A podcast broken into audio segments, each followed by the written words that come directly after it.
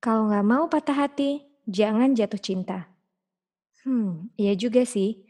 Cuma kan kita nggak selalu bisa milih ya, apakah kita mau jatuh cinta atau enggak. Kita juga sering kali nggak bisa milih mau patah hati atau enggak. Pengennya sih nggak pernah patah hati. Namun akhirnya ketika patah hati terjadi, ternyata bagi setiap orang bisa beda-beda sakitnya, karena tiap orang punya ambang yang berbeda. Di episode ini, gue dan Ayang bakal ngobrol tipis-tipis tentang itu. Episode ketujuh podcast Nyaman Bersama Ayang Andin, Patah Hati.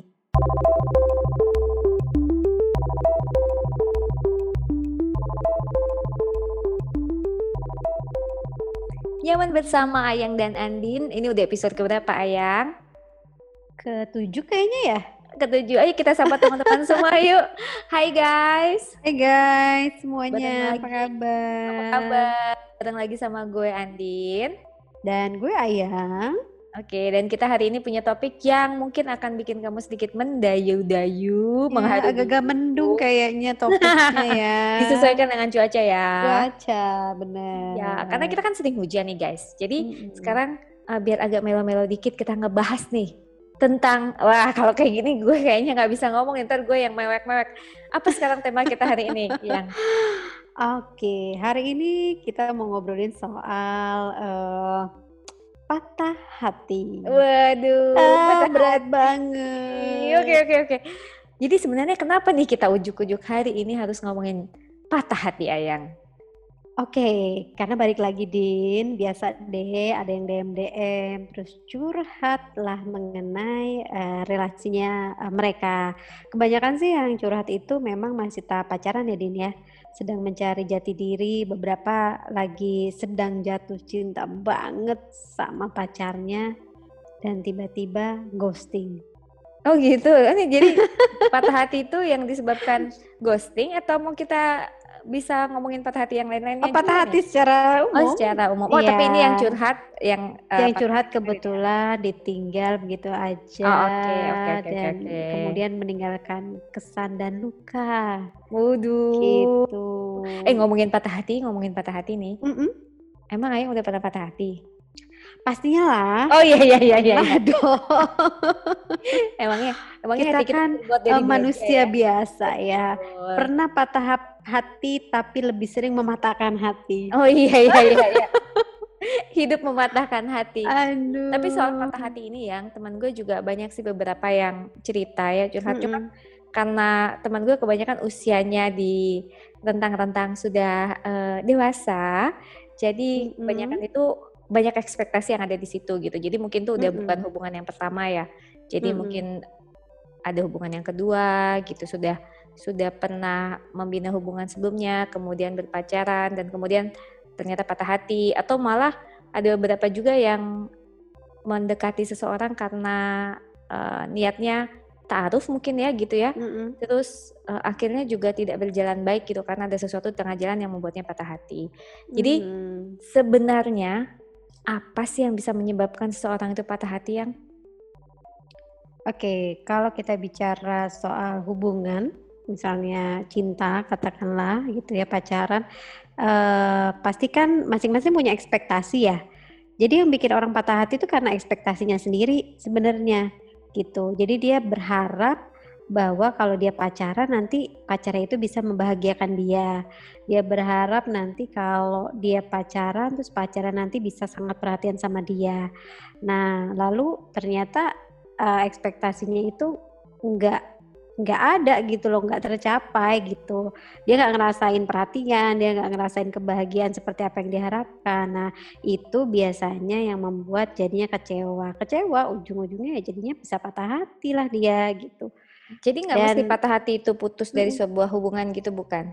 eh pada pada akhirannya pengambilan keputusan untuk untuk break atau tidak melanjutkan ke apa proses eh, relasi yang lebih dalam ya itu bisa bisa menjadi opsi bagi mereka gitu. Oh, tadinya gue kira nih patah hati Hmm. itu terjadi setelah orang memutuskan gitu. Jadi adalah perasaan desperate atau perasaan apa pun itulah ya yang begitu mentorture kita, heeh, yang melukai kita gitu ya.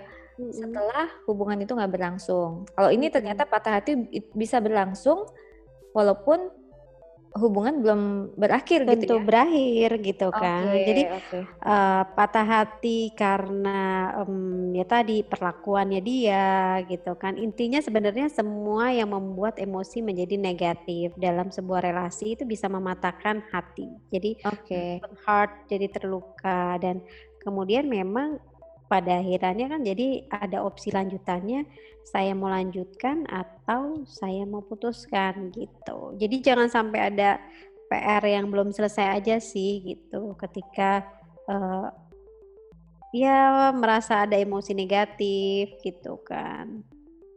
Nggak boleh unfinished business gitu ya? Ya. Eee, su su su su su. Udah seperti apa sih? Oke. Nah, ketika seseorang patah hat apa, tidak terpenuhi ekspektasinya, Mhm. kemudian akhirnya merasa patah hati, itu apakah bisa segera pulih atau gimana? Mhm. Kan banyak yang bilang, eee, time will heal gitu kan. Tapi sebenarnya bukan masalah time-nya sih gitu kan, katanya, "Udah deh biarin aja entar waktu yang bisa membuat, eee, kamu jadi, menata kembali hatimu." Justru sebetulnya yang bisa membuat bisa menata hati, eee, mengembalikan kepingan-kepingan yang pecah itu, Kepingan pecah, berantakan, itu kan diri sendiri sebenarnya. Jadi Jadi bukan waktu ya? Bukan waktu gitu Heeh. kan. Kalau Karena banyak yang bilang gitu, kalau "Time nggak ada upaya juga heal." tetep aja gitu ya? Iya gitu, terus lu mau berapa lama ngandelin waktu, tapi sementara lo sendiri tetap dengan, eee, apa, pikiran-pikiran negatif, terus belum lagi misalnya lo nyalahin diri sendiri, "Ini kayaknya gara-gara gue yang terlalu banyak berharap lah," gitu kan. Jadi ya yang harus mengusahakan ya adalah diri sendiri, diri bukan sendiri waktu, dong, gitu. pastinya. Nah, si waktu itu bisa jadi lebih cepat atau lebih lama ya tergantung kitanya. Kitanya, betul. Kitanya yang mau ngeberesin, puzzle-nya mau disatukan kembali, terus kemudian dikasih selotip tuh. Betul. Kasih lem. Dikasih lem Epoksi, kasih iya epoksi. iya, kasih lem yang paling kuat banget gitu, Lem sehingga kamu Korea. iya, sehingga, eee, ketika ada yang lain hadir, itu udah rekat kembali gitu. Iya, seolah baru ya. Iya, seolah baru walaupun lukanya masih ada ya, Oh, kayak iya misalnya iya. goresan-goresan itu kan ada, cuman tetep dia belajar dari luka-lukanya dia, patah hatinya yang sebelumnya untuk punya relasi yang lebih baik, lebih positif. Eh, tapi percaya nggak Gitu. Sih, kalau sebenarnya goresan-goresan tuh bakal hilang kok, bakal mulus lagi. Se dulu ya Iya. saat lo pertama kali patah hati mungkin ya, eee, Mhm. guys, gua nggak nggak ngomong sama Ayang sih, mungkin Ayang belum men mendalami ini banget gitu, cuma saat gue pertama kali patah hati ya, itu gue waktu itu berpikir, kayaknya hati gue tidak akan bisa seperti semula gitu kan, kayaknya itu seperti porselen, eee, dari China yang begitu berharga dan kemudian ketika lo pecah dari China sih, dari Itali Oh, dong. porselen dari Marmer Itali lah, ya? ma Oh, marmer marmer marmer, ya?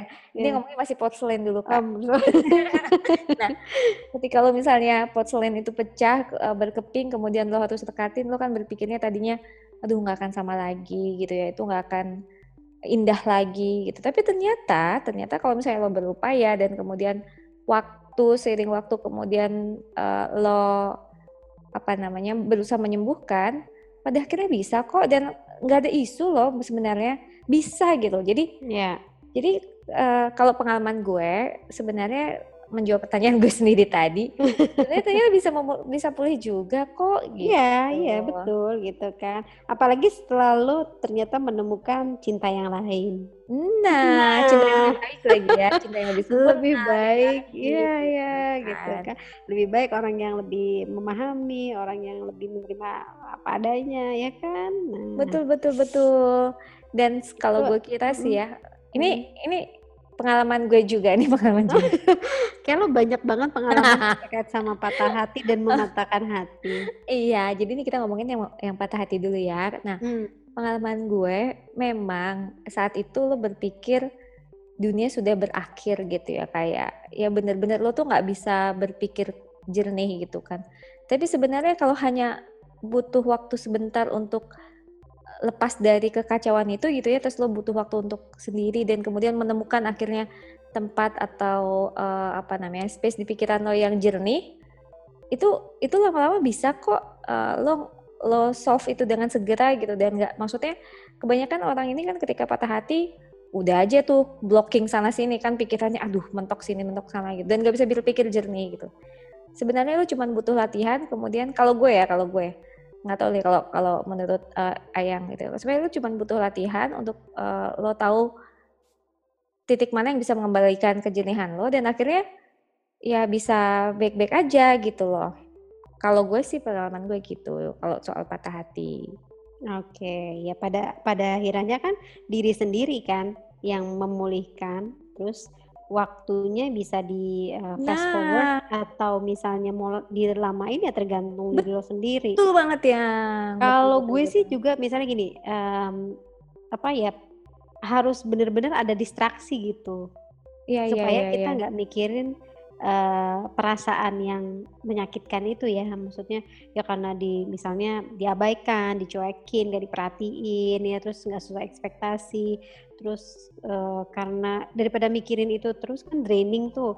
Kenapa lo nggak nyoba untuk mengalihkannya ke kesibukan yang lain gitu kan? Betul betul. jadi lo berkarya mungkin uh, cari lebih banyak kegiatan atau cari lebih banyak temen Uh, dan lo harus kebuktiin tuh sama cowok yang membuat lo patah hati atau cewek lo, atau cewek hmm. gitu ya bahwa lo tuh bisa menjadi seseorang dan biarkan dia menyesal. ayang gini nggak? Jadi ayang uh, ngajarinnya gitu ya? Enggak juga, jangan sampai menyesal ntar nunggu kelamaan gimana ya? Oh iya jangan. Nanti kalau misalnya ya, tapi kan gini, dia gak nyesel oh, gitu ya, gitu. Misalnya gini, oh, oh, eh itu cewek yang pernah gue uh, sakitin hatinya atau itu cowok yang pernah gue sakitin hatinya ternyata dia survive loh, ternyata dia hebat banget sekarang. Itu kan bisa aja. Gitu. Tapi tunggu ya. Kredit ya. loh. Tapi nunggu lama loh. Oh ya. Iya. Ya. Gue pernah punya pengalaman kayak gitu ya. Gue patah hati uh, waktu itu mahasiswa. Ini tadi gue ceritain ya.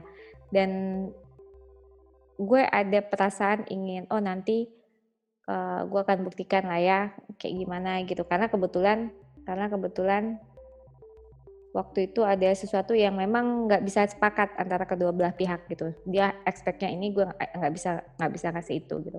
Nah waktu itu ada yang tadi yang bilang entar lihat aja gitu kan tapi ternyata begitu gue melakukannya juga juga nggak terlalu happy gitu jadi pas gue malah aduh kasihan banget ya karena gue waktu itu posisinya sudah sudah lebih baik eh, hmm. kemudian dia malah terpuruk dia nggak lulus lulus kuliah gitu kan. Terus habis itu yang makin kurus terus kamu ya, yang mematahkan hatinya apa dia yang mematahkan hati kamu? Awalnya dia memati, mematahkan hati aku. Hmm. Nah, kemudian aku benar-benar patah hati waktu itu gitu yeah. kan namanya mahasiswa ya Bo. Dan gue mikir kan ya ampun uh, gue gimana menjalani itu gitu kan. Drama dong ya drama, waktu itu. iya. Nah ternyata akhirnya ketika gue kemudian pulih terus habis itu gue uh, bertekad untuk untuk jauh lebih maju dan habis itu membalas dendam tanda kutip gitu ya kepada dia. Dan begitu gue merasa sudah lebih baik gue datang ketemu dia sengaja gue datengin gitu. Dan pas ngeliat ih kok dia kasihan? Dan gue ngerasa loh aduh gue salah kayaknya nih gue langit gue nggak berempati nih kepada dia gitu kan. Karena karena kok gue datang dengan uh, semangat untuk menunjukkan diri tapi dia sendiri juga kayaknya ya maksudnya dia jadinya kayak malu atau apa gitu kan. Gue jadi kayak aduh kayaknya gue jahat juga ya gue bilang gitu. Dan ya udah uh, selesai. Ini ada cicak ikut ikutan aja nih. Kayak cicaknya ini deh. cicaknya ternyata nguping ya. Iya tapi kurang lebih gitu yang. Ternyata uh, model kayak itu nggak cocok buat gue gitu jadi akhirnya hmm. memang gue uh, modelnya itu ya udah gue cari sesuatu yang membuat uh, hati gue apa ya lapang tenang terus habis itu ya udah yang adalah nggak tahu di pikiran gue kayak misalnya ya udah misalnya gue maafkan dia gitu misalnya kalau gue biasanya gue begitu gitu belakangan setelah hmm. setelah oh, mulai umur banyak ya cuman setengah setengah umur lo ini kan eh sudah pengalamannya udah oh, iya. banyak tapi gue mikir gitu juga.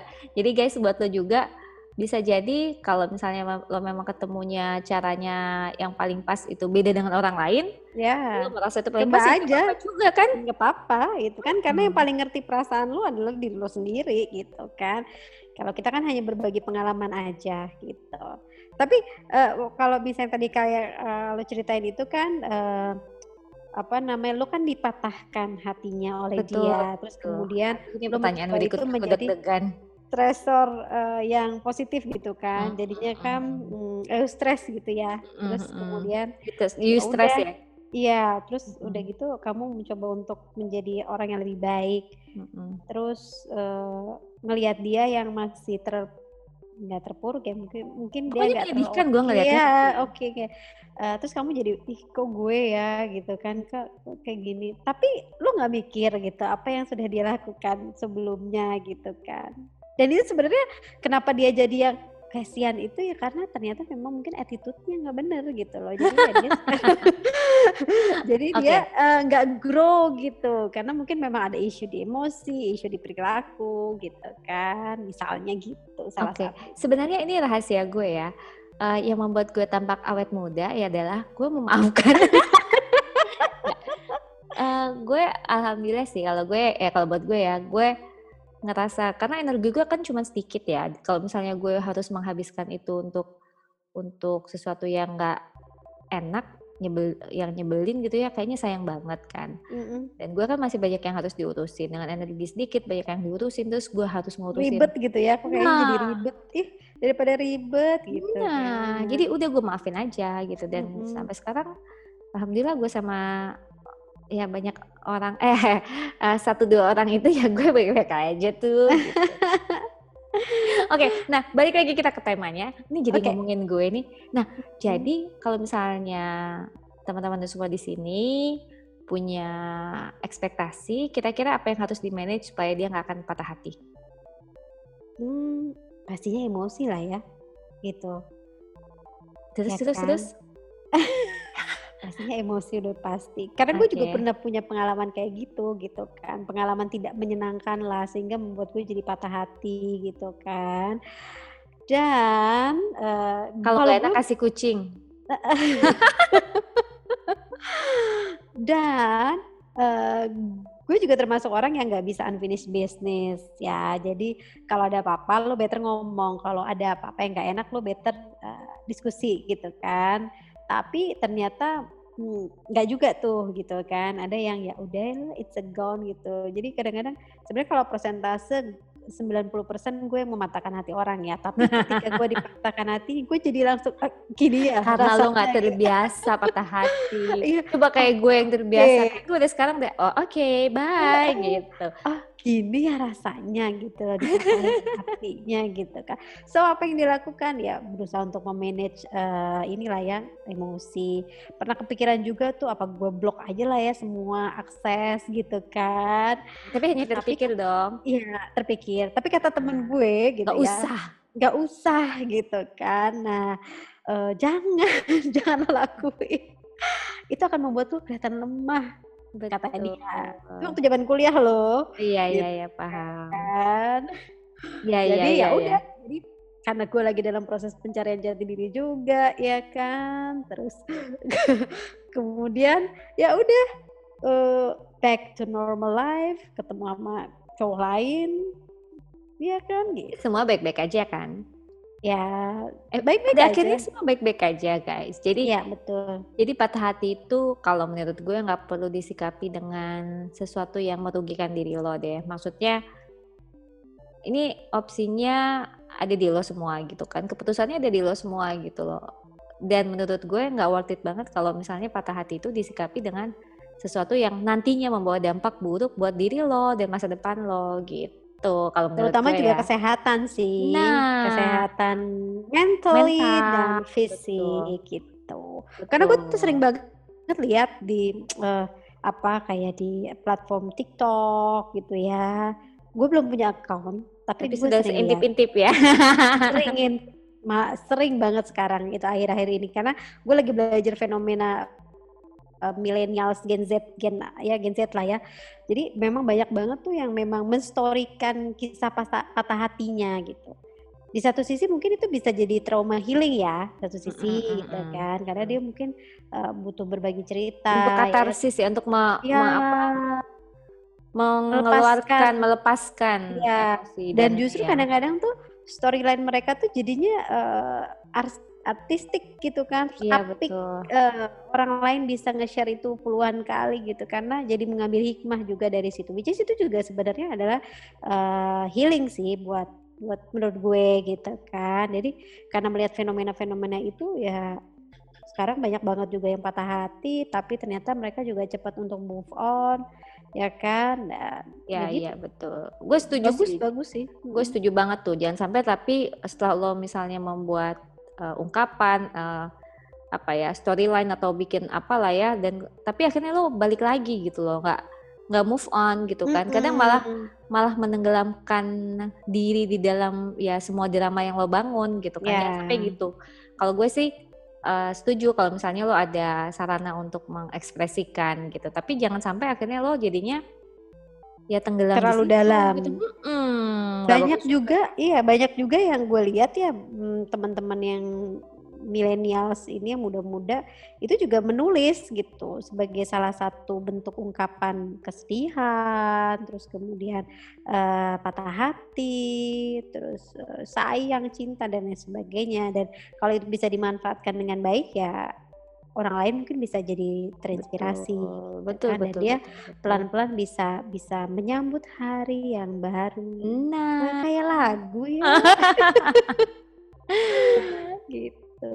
khawatirnya cuman kalau lo patah hati tuh se- bawaannya makan jangan ya Ya. nanti lo nggak bersahabat lagi dengan timbangan lo Heeh, berantem overeating timbangan ya. iya betul Tapi eh, apa namanya? em, karena lo juga pernah punya pengalaman dan gue juga gitu ya dengan isu si patah hati ini. eh, tapi itu bener deh, emosinya tuh emang jadi negatif gitu loh yang di- dirasain gitu dan kemampuan tiap orang untuk meregulate emosi itu kan beda-beda. Nah, yang dikhawatirkan adalah mereka yang memang sudahlah punya latar belakang mungkin keluarga yang nggak bahagia, terus dia pernah dalam perjalanan hidupnya ada personal life yang dia ada traumanya juga, terus kemudian hatinya dipatahkan oleh orang yang dekat dengan dia, itu akan berat menurut gue gitu. Mhm. dan menurut gue kalau udah sampai tahap situ dan lo merasa sangat berat lo harus cari profesional atau cari Ya, bantuan psikolog lah. mungkin ke ke psikolog paling Mbak Ayah.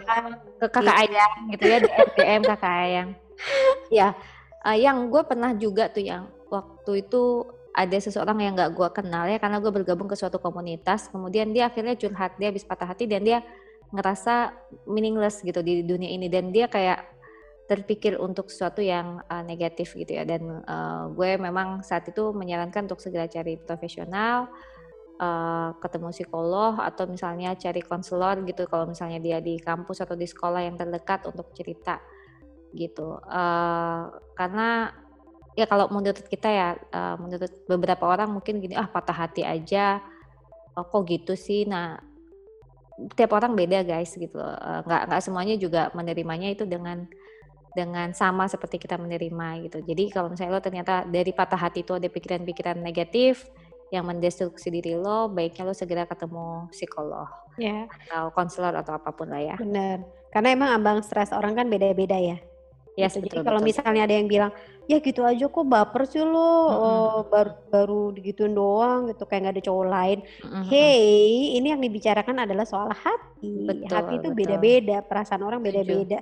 Jadi kalau buat lo gak apa-apa, tapi buat orang lain apa-apa gitu. Jadi di respect aja lah sama yang dia sedang. Mungkin dengerin aja kalau temen lo lagi patah hari, hati ya udah didengerin Ta- aja. tanyain dulu. aja lu lagi self talk apa gimana gitu Iya. gue perlu kalau gue perlu udah jump in dengan komen nih kalau nggak lo dengerin aja dulu kalau dia bilang udah ngasih ababa lampu hijau baru lo ngomong gitu kan. Iya gitu.